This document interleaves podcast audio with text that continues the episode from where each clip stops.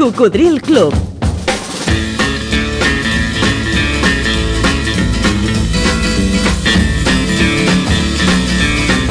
La banda sonora de la teva vida.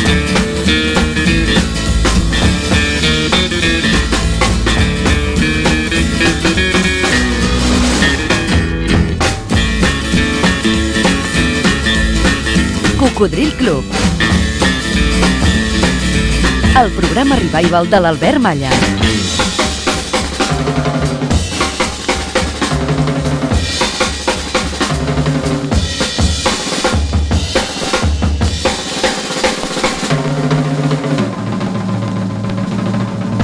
Què tal, Coco? Gràcies per tornar a la ràdio. Algú va dir la nostra desconfiança en el futur ens fa difícil renunciar al passat. Aquí ja no ens estem de res, però ho fem junts. Quina és la teva? Hola, sóc una oienta vostra, que no em perdo mai el vostre programa, però m'agradaria molt sentir una cançó que no, no la sento fa molts anys, a Feel Good. Alguna vegada l'he sentit amb, amb una propaganda de la tele. No sé si és d'en James Brown. I feel good. I knew that I wouldn't. I feel good. I knew that I wouldn't. So good, so good. I got you. Wow, I feel nice. A sugar and spice. I feel nice like sugar and spice.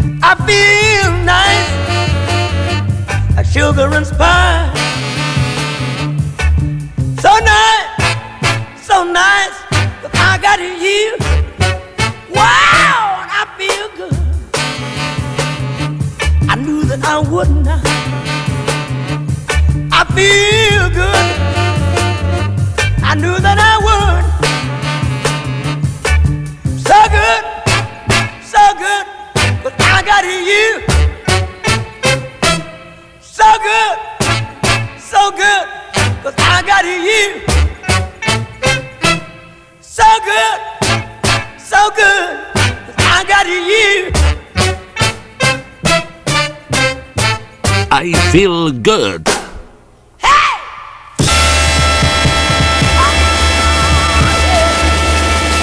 Eh, penseu que això és original del 1964. Quina canya, oi? James Brown va ser molt i molt gran. Havia nascut a Carolina del Sud, Estats Units, el 1933. Va marxar un dia de Nadal del 2006 a Georgia. Records de tota una història.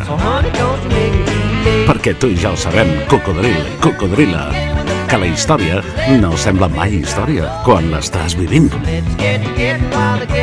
Escoltes Cocodril Club, el programa revival de l'Albert Malla. Love My Music. Recordes el primer CD que et vas comprar? Mm? Sí o no?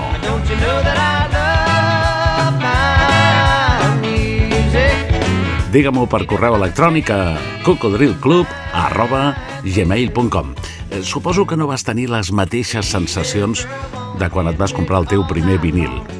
Ja feia temps, segurament que podies escoltar la música que t'agradava tantes vegades com volies, tot i que quan es va començar a consolidar el CD encara no era possible escoltar ni molt menys descarregar música d'internet, de la xarxa.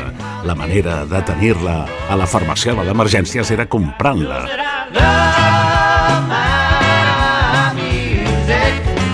Rebem un correu aquí a cocodrilclub.gmail.com de la Mercè Garay Vives que ens diu Hello, Albert, moltes mercis per aquesta flama musical que mantens encesa a través del teu programa. A la teva pregunta de quin va ser el meu primer CD que vaig comprar, t'he de dir que per arribar a ell me'n vaig tenir que regalar bastants, perquè jo era i sóc una furofa dels vinils. A finals dels 80 i com que a mi, més que comprar, m'agrada triar i remenar, vaig anar a la Fira del Disc quan encara celebrava a Montjuïc. Pretenia adquirir el disc de Paul Simon Graceland i, com que va ser missió impossible trobar-lo en vinil, doncs el vaig comprar en CD Equiliqua. No me'n podia estar, ja que és un dels meus àlbums preferits. I aprofitant que el Pisuerga passa per Valladolid, acabat amb Z, ens diu la Mercè Garay Vives, et diré que per comprar el meu primer vinil van ser dos en realitat, l'any 1968. Jo tenia 14 anys. Mira, això ho continuaré llegint després d'escoltar Paul Simon, d'acord? Mm. Estava... Ara que comença a sonar el seu Graceland, estava pensant que ha fet moltes de bones, eh? Al costat del seu soci, Art Garfunkel, però després, un cop separats, Paul Simon ha triomfat molt més que el seu company. Sobretot quan li va donar pels ritmes africans, per als ritmes calents. Ara feia molt de temps que no sonava aquest Graceland, gràcies per la teva proposta, per al teu record, Mercè. És un àlbum que es va publicar el 1986. Que, per cert, Cocodril, tu ja hi eres. The Mississippi Delta was shining like a national guitar I am following the river down the highway through the cradle of the Civil War. I'm going to Graceland, Graceland, to Memphis, Tennessee. I'm going to Graceland. Poor boys and pilgrims with families, and we are going to Graceland. And my traveling companion is nine years old He's the child of my I've reason to believe we both will be received in Graceland.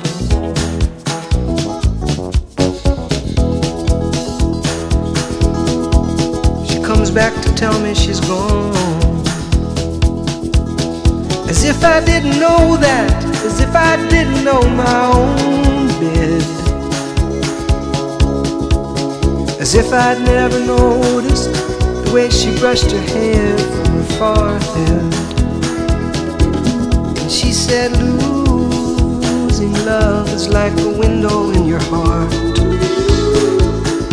Everybody sees you're blown apart. Everybody sees the wind blow. I'm going to Graceland. Memphis, Tennessee, I'm going to Graceland.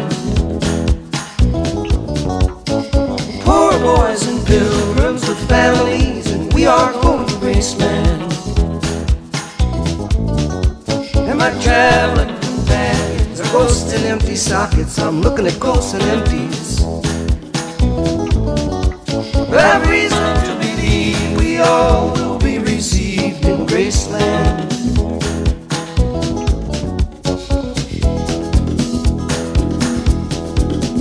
There is a girl in New York City who calls herself the human trampoline. Sometimes when I'm falling, flying, tumbling in turmoil, I say, Whoa, so this is what she means. She means we're bouncing into Graceland. And I see losing love is like a window in your heart. Well, everybody sees you're blown apart. Everybody feels the wind blow. Ooh, in Graceland, I'm going to Graceland. For reasons I cannot explain, there's some part of me wants to see Graceland. And I may be obliged to defend every love, every ending, or maybe there's no obligations now. Maybe I'm a reason to believe we all.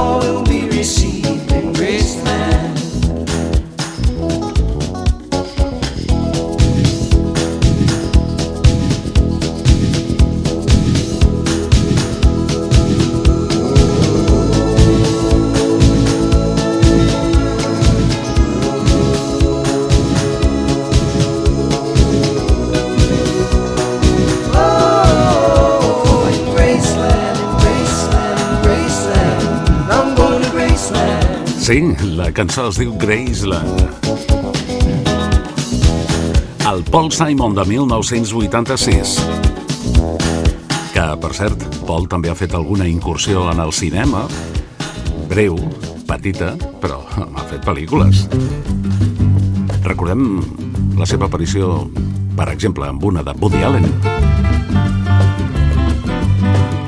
I crec recordar que feia d'ell mateix, és a dir, d'un músic conegut en una festa VIP. Eh, sí, sí. Quina era? Manhattan, potser? No sé. El que sí sé és que estava llegint el correu de la Mercè Garay Vives, que no ens ho diu, però que em sembla que ens escolta des de Barcelona.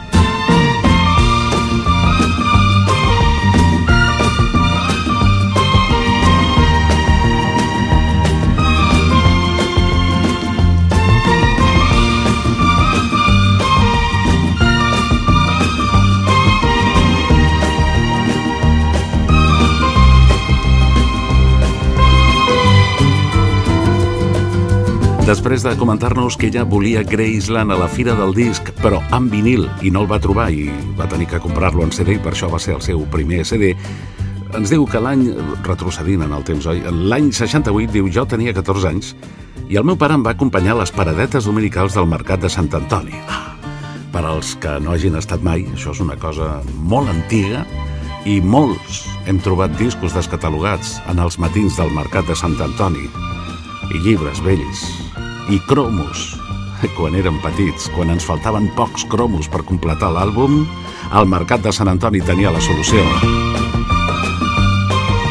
Diu la Mercè, del Mercat de Sant Antoni vaig sortir amb els meus dos flamants vinils, malgrat que era majoritàriament un mercat de segona mà, o de segona orella, en aquest cas. Ah, mira, m'ha fet gràcia això. De segona orella, eh? Sí. Vaig sortir amb uns trofeus nous de trinca i més contenta que unes Pasques. Un era la Santa Espina de los Relámpagos i l'altre Cállate Niña dels Pícnic. Quina barreja d'estils, no? Diu bé, Albert, superagraïda per poder escoltar-te i perquè ens permetis depositar aquests records musicals en un lloc tan especial com és el teu programa. Gràcies, Mercè Garay Vives, per la teva audiència de fa molts anys, em consta. I, bueno, amb això que em dius, em venen al cap moltes coses. Primer, pels qui no ho sàpiguen, dir que als anys 50, 60 i part dels 70, arreu del món van ser supervendes temes absolutament instrumentals, la qual cosa avui dia és impensable, bé, avui dia i des de fa bastants anys. Hi ha moltes coses en la música que són... que no ens podíem pensar quan nosaltres vam començar a estimar-la, a consumir-la, a adorar-la, a comprar-la, etc etc. Bé, doncs a Espanya hi havia dos grups que van destacar per fer bàsicament temes instrumentals, els dos formats a Madrid, que eren Los Pequeñiques i Los Relámpagos. En el cas de Los Relámpagos, perquè els Pequeñiques feien més aviat temes propis, no? Alguna versió, com El tiempo vuela, però eren temes propis. I els Relámpagos van agafar coses típiques de, de cada d'algunes regions espanyoles i li van afegir les guitarres elèctriques, amb la qual cosa, eh, per exemple, l'alborada gallega sonava molt moderna, no? Mm, El seu èxit més eh, comercial, sobretot entre nosaltres, va ser Nit de Llampecs, que era com una sardana moderna. Però abans van fer la seva versió de la Santa Espina, que és una sardana que va escriure Àngel Guimarà al 1907 i li va posar música a l'Enric Morera. És una sardana que va estar prohibida, mm, amb lletra, va estar prohibida primer amb la dictadura de Primo de Rivera i després amb la dictadura d'en Franco. Es podia tocar però instrumental perquè la lletra doncs, no excités els ànims catalanistes del personal, oi? Però finalment, encara en època de Franco, es va autoritzar per primera vegada el 1960 dins de la banda sonora d'una pel·lícula que es va dir Amor bajo cero i el 1971 Salomé va cantar la Santa Espina. Però el primer disc de vinil que es va comprar a la Mercè en aquell mercat de Sant Antoni va ser la versió aquesta de Los Relámpagos. Música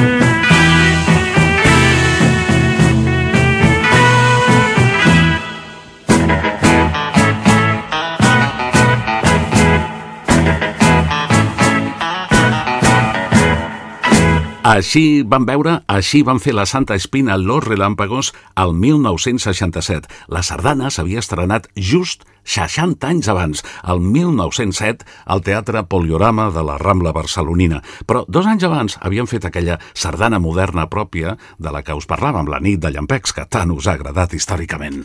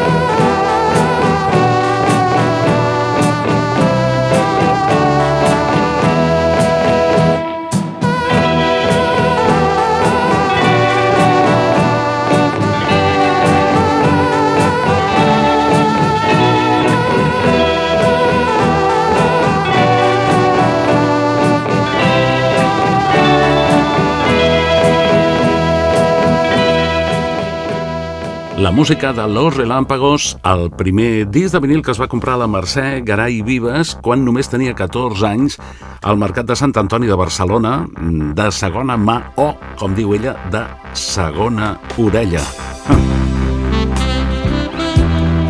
Ah, però també ens ha parlat del Cállate Niña, dels Pícnic. La Janet havia arribat a Barcelona feia poc per la feina del seu pare i allà va conèixer a músics fantàstics com en Toti Soler i sobretot a Rafael Túria, que llavors ja feia un programa a Ràdio Joventut de Barcelona, als estudis del carrer Saragossa, que molta, ho diem perquè per molta gent van ser mítics, tot i que nosaltres ens vam incorporar a Ràdio Joventut quan ja estaven a Via Augusta. Però bueno, això no és l'important. El fet és que mm, Rafael Túria tenia contactes amb la casa discogràfica Hispavox, no tenien diners per gravar una maqueta, una demo, però va utilitzar els estudis de Ràdio Joventut per gravar una primera cançó amb la Janet i ella havia escrit Cállate niña i com a demo la va enviar a Hispavox. Els hi va agradar molt, eh, es van dir Pícnic perquè no era... Després ella va començar a actuar i a gravar en solitari, però primer va ser amb el grup Pícnic, eh, com us he dit, entre d'altres amb en Toti Soler, i va fer aquesta cançó que va agradar molt, tot i que és un autèntic drama.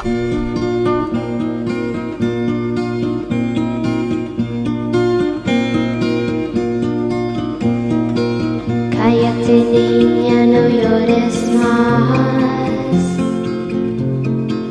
Tú sabes que mamá debía morir. Ya desde el cielo te cuidará. Cállate niña, no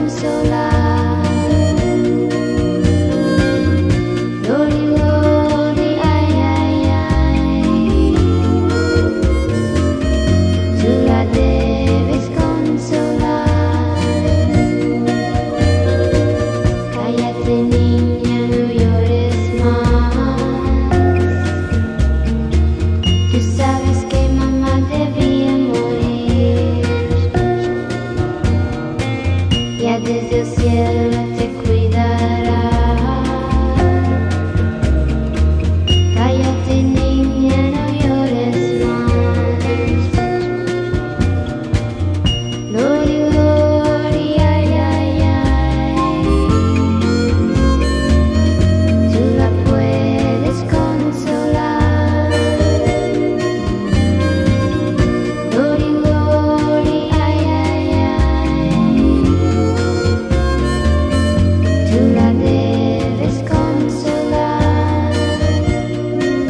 Cállate niña, el primer disc de Janet al capdavant del grup Pícnic el 1968. Per cert que Rafael Túria, el nostre col·laborador de luxe, després va escriure algunes cançons per Janet i algunes de molt maques. Ara m'han agafat ganes d'escoltar No digues nada, serà en una altra ocasió. I, per cert, que No digues nada va ser una de les diverses que la Janet també va publicar en anglès. T'acompanya l'Albert Malla. Encantat de la vida i a través de 100 emissores que en diferents dies i horaris emeten aquest programa. Arreu de Catalunya, Andorra i les Illes Balears en diferents dies i horaris. No perdis la sintonia. Totes elles es poden escoltar a qualsevol lloc del món a través d'internet en directe i moltes deixen el podcast del programa perquè el puguis escoltar en diferit o descarregar-lo i portar-lo amb tu allà on vagis. Trobaràs els últims programes emesos de manera genèrica a les plataformes ivox.com, també a Spotify i a Podcast Google. Ai, digue-ho als teus amics. Si aquí al club t'hi trobes a gust, participa, fes-nos saber que estàs escoltant el programa. Digue'ns des d'on. Envia'ns un correu a cocodrilclub gmail.com. Per exemple, una de les excuses és recordar el teu primer CD. Així recuperem temes que potser no havien sonat mai o que teníem una mica oblidats. Sí, el CD es va consolidar gairebé a mitjans dels 90, però això no vol dir que les cançons primeres que et vas comprar en CD fossin d'aquella època, perquè aprofitant el canvi de format es van reeditar molts discos antics, molts clàssics del pop-rock, i aquest és un programa divulgatiu de la cultura musical pop-rock que es va posar en marxa al llunyà octubre de 1993. Rebem aquí a cocodrilclub.gmail.com el correu d'en Jaume Torres Corró, que ens diu Bon dia a tots els cocos, Albert, atenent el teu requeriment, avui us explicaré quin va ser el meu primer disc comprat. Fins a aquest disc eren els meus pares els que triaven i compraven. Aquest disc era un doble long play del que havia escoltat diverses cançons en el programa El Clan de la Una a Ràdio Joventut de Barcelona i a mans del nostre estimat José María Pallardó. Era l'àlbum Out of the Blue de la Electric Light Orchestra, la ELO. En aquest programa, el Clan de la Una, en Pallardó sempre el posava els dies que plovia perquè sonés el Concert for a Rainy Day. Era una tradició en aquella època. Precisament ara que escric aquest e-mail, plou, ja feia falta. Bon moment per posar aquest vinil que encara tinc i recordar aquells anys 1977-78 i a José María Pallardó i aquell programa. Gràcies, Albert, i salutacions a tots des de Palafrugell. Una abraçada, una altra per tu, ben forta, Jaume Torres Corró. Doncs farem com, com feia el Pallardó, eh? escoltarem aquell concert for a Rainy Day, tant si plou com si no plou, que vés a saber tu des d'on m'escoltes, quin temps fa i en quin moment m'escoltes, perquè avui dia cada vegada són més els amics que ens escolten en diferit. Però d'aquest mateix àlbum, Out of the Blue, no em puc estar de recuperar el Mr. Blue Sky, que és un dels meus preferits de la ELO. I la ELO és una de les meves bandes preferides. Aquí ja ho veus, ja ho sents, tot és un luxe.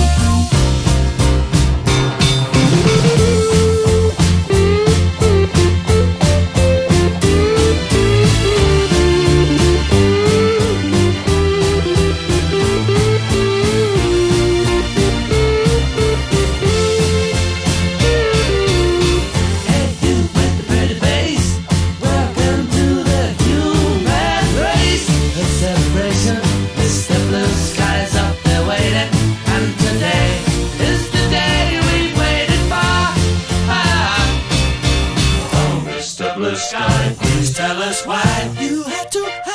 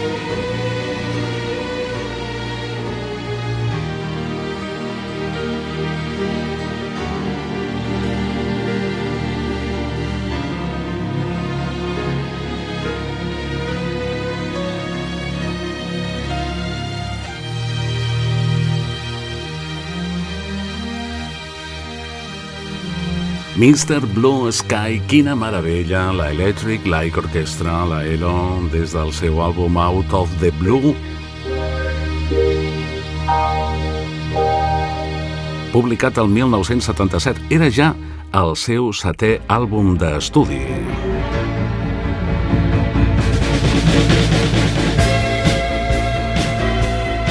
I al recordar l'amic de Palafrugell, Jaume Torres Corró, que va ser el seu primer disc, recorda com el presentava el Pallardó especialment amb aquest tema Concerto for a Rainy Day.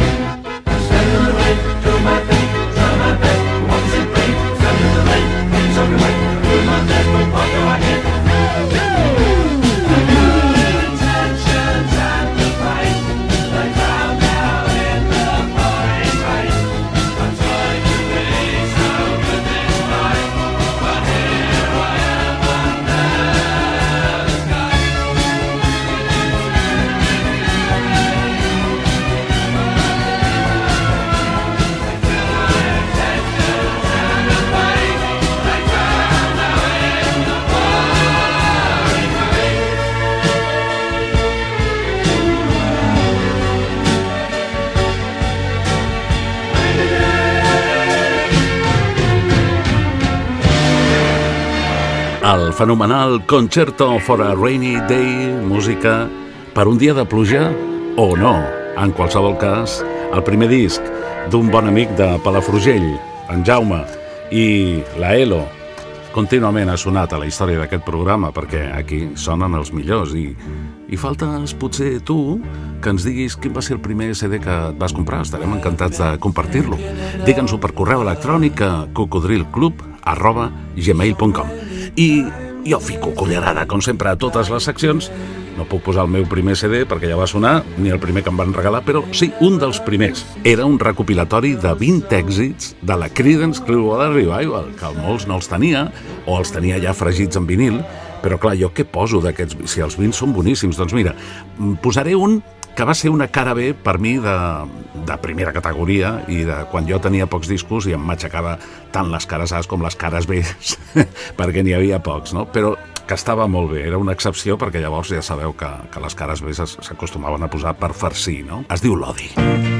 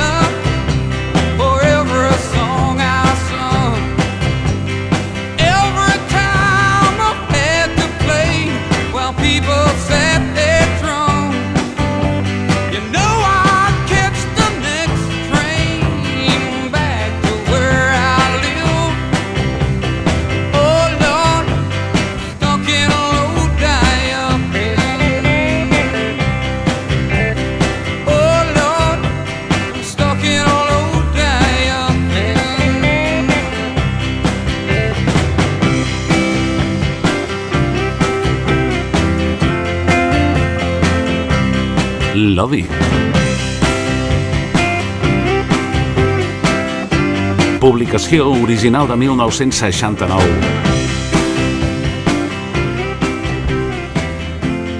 Però després de tenir-la com a cara B d'un single de vinil, mm, formava part d'un dels meus primers CDs. Ja, doncs, eh, deuria ser a principis dels anys 90 amb 20 dels seus grans èxits.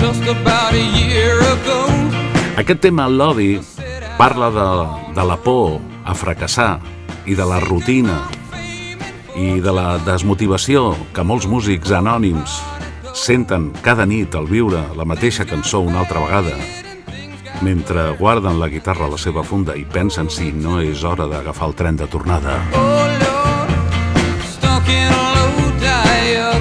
Així, John Fogerty va recordar els inicis de la Creedence i va aconseguir transformar en cançó els sentiments de qualsevol músic atascat en els seus inicis, difícils sempre, quan potser no es tenen bones vistes al futur.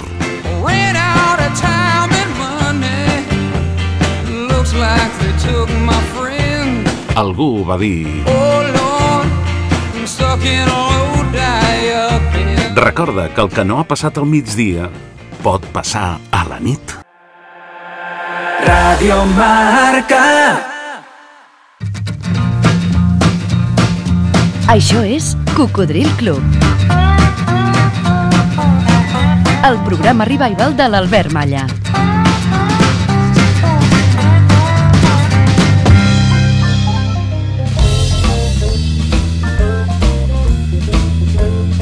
I recorda que hi ha milers de cocodrils que hi participen les 24 hores del dia i de la nit en el grup del Facebook dels seguidors, dels oients d'aquest programa, que potser t'està esperant a tu, digues la teva, comenta les publicacions dels altres amics. Està ple de bons records musicals i de tota mena. Al Facebook agrega-t'hi al grup Cocodril Club. Rebem un e-mail aquí a cocodrilclub.gmail.com eh, des d'Osona d'Antoni que ens diu Hola Albert, t'adjunto a aquest correu un àudio d'una música que no em recordo ni del nom del disc ni del grup que la cantava, però m'agradava molt. A l'època que l'escoltava a la ràdio, em visualitzava com els veritables habitants del nord d'Amèrica es veien presoners a la seva terra. Agrairia escoltar-la i poder saber el títol i el grup. Una abraçada i per molts anys que et puguem escoltar. El meu nom és Toni des d'Osona. Doncs, sense cap mena de dubte, eh, aquest fragment d'àudio que m'has enviat pertany a un grup de Michael Cretu, un romano, mm, que treballava amb el nom de eh, Enigma. Era un projecte electrònic alemany. La cançó es va publicar al gener de 1994 i va ser el seu primer single, Return to Innocence, és a dir, tornar a la innocència. Don't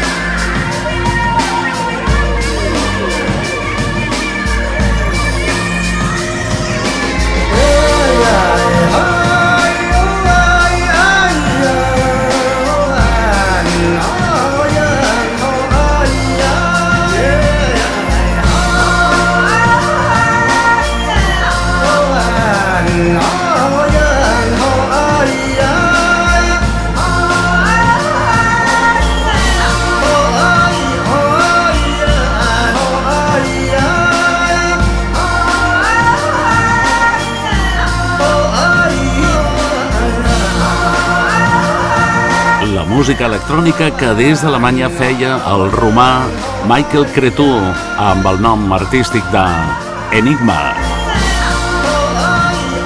Que gràcies a la proposta d'Antoni, que l'estava buscant, tenia un fragment de l'àudio però no identificava ni el títol ni l'intèrpret des d'Osona, hem escoltat per primera vegada aquí al programa, es va publicar el gener de 1994, era el retorn a la innocència.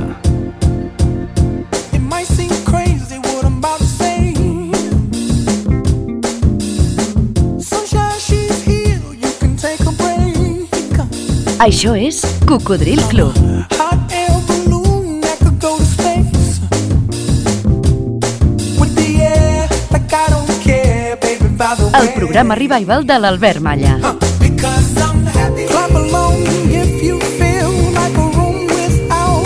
Estàs happy?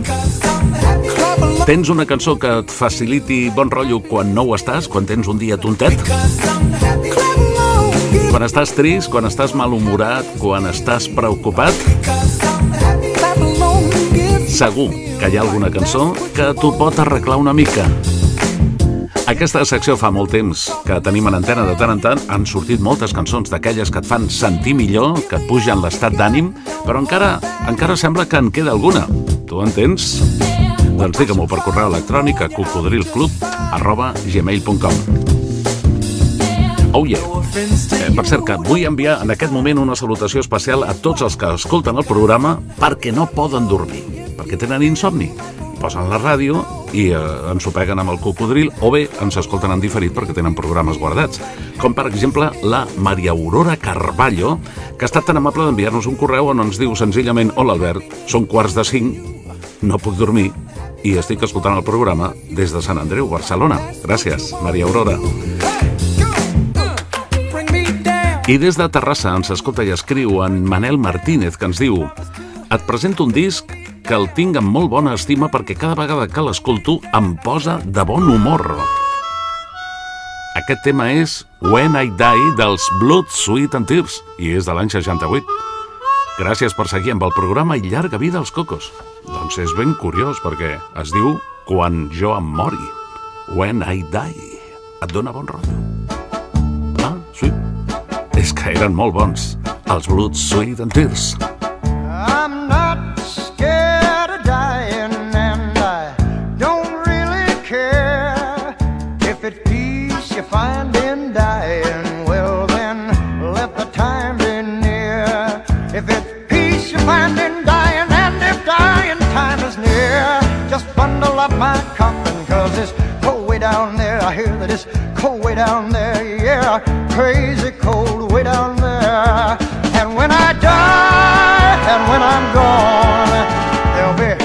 achar bom.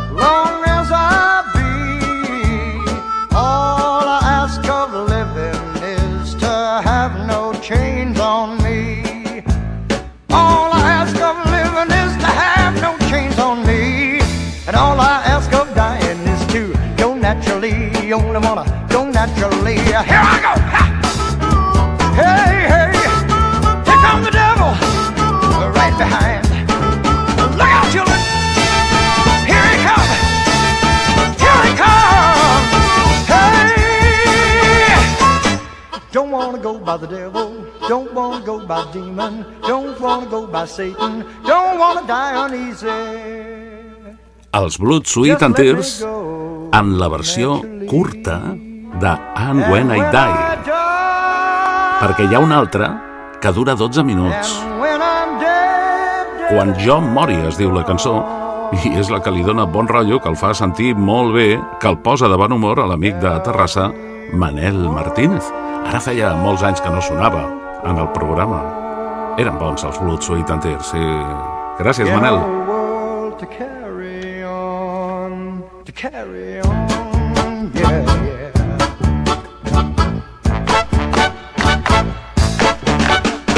I la meva cullerada que també espero que doni bon rotllo, és del eh, 67, un any abans.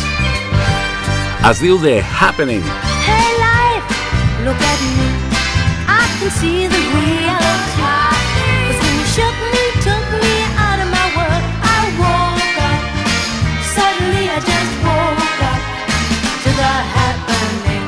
Eren The Supremes, el grup de noies de la Diana Rose, que per cert després en solitari va ser la dona, la veu femenina que va aconseguir més números 1. Però aquesta era l'última cançó que van gravar juntes, Diana i The Supremes. La cançó parla de la sensació de l'enamorament i de com canvia la vida quan s'està sota aquest efecte de xoc. Ah, però curiosament, 23 anys després, la van adaptar al castellà, el 1990, un grup de noies de Valladolid que es deien Greta i Les Garbo, que vaig poder entrevistar. Eren molt simpàtiques, eren germanes i van canviar la lletra. Eh, per elles, la cançó és la història d'una gresca que acaba en comissaria i van canviar el títol, també, de The Happening, l'esdevenir, elles li van dir Menuda fiesta. Bueno, ja sabeu que és que jo de gran vull ser com Ramon Castells. Després escoltarem les seves versions a la segona hora del programa i aquí està la meva aportació d'avui, el bon rotllo, però recorda, Coco, no perdis la sintonia. Cocodril Club, el programa revival de l'Albert Malla. ¿Qué pasó? No lo sé. Ha venido la policía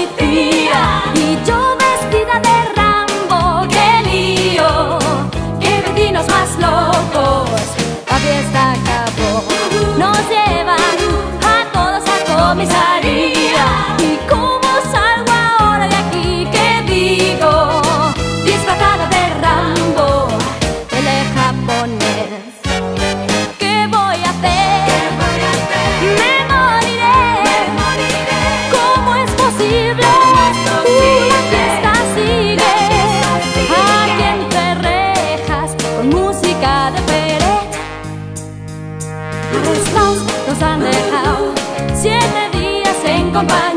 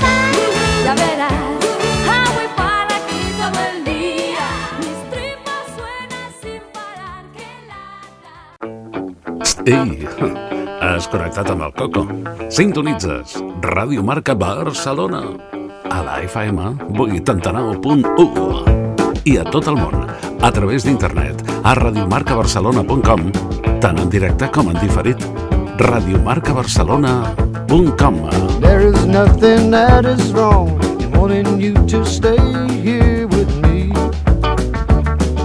I know you've got somewhere to go, but won't you make yourself at home and stay with me? Don't you ever leave.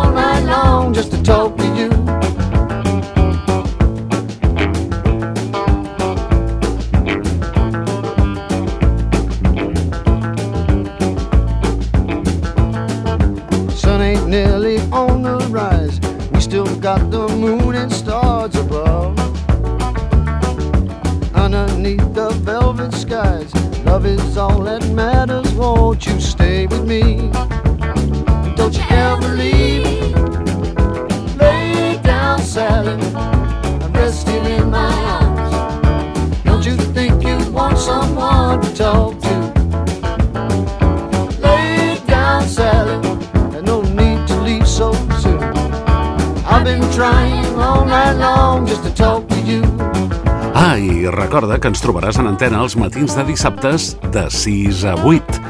Els diumenges des de les 4 de la matinada i fins a les 7 del matí. I cada matinada de dilluns a divendres de 4 a 6, el Coco també al teu costat. Recorda també que a les tardes de diumenges escoltem i ballem la nostra música a la discoteca Barrocos de Barcelona. Diumenges tarda, des de les 6 en punt i fins a les 10, al carrer Aribau 242. Una festa plena de bona música, bons amics i molt d'amor. Ens ho passem de bé. Vine i apunta-t'hi. To see the morning light, color in your face so dream. Radio Marca.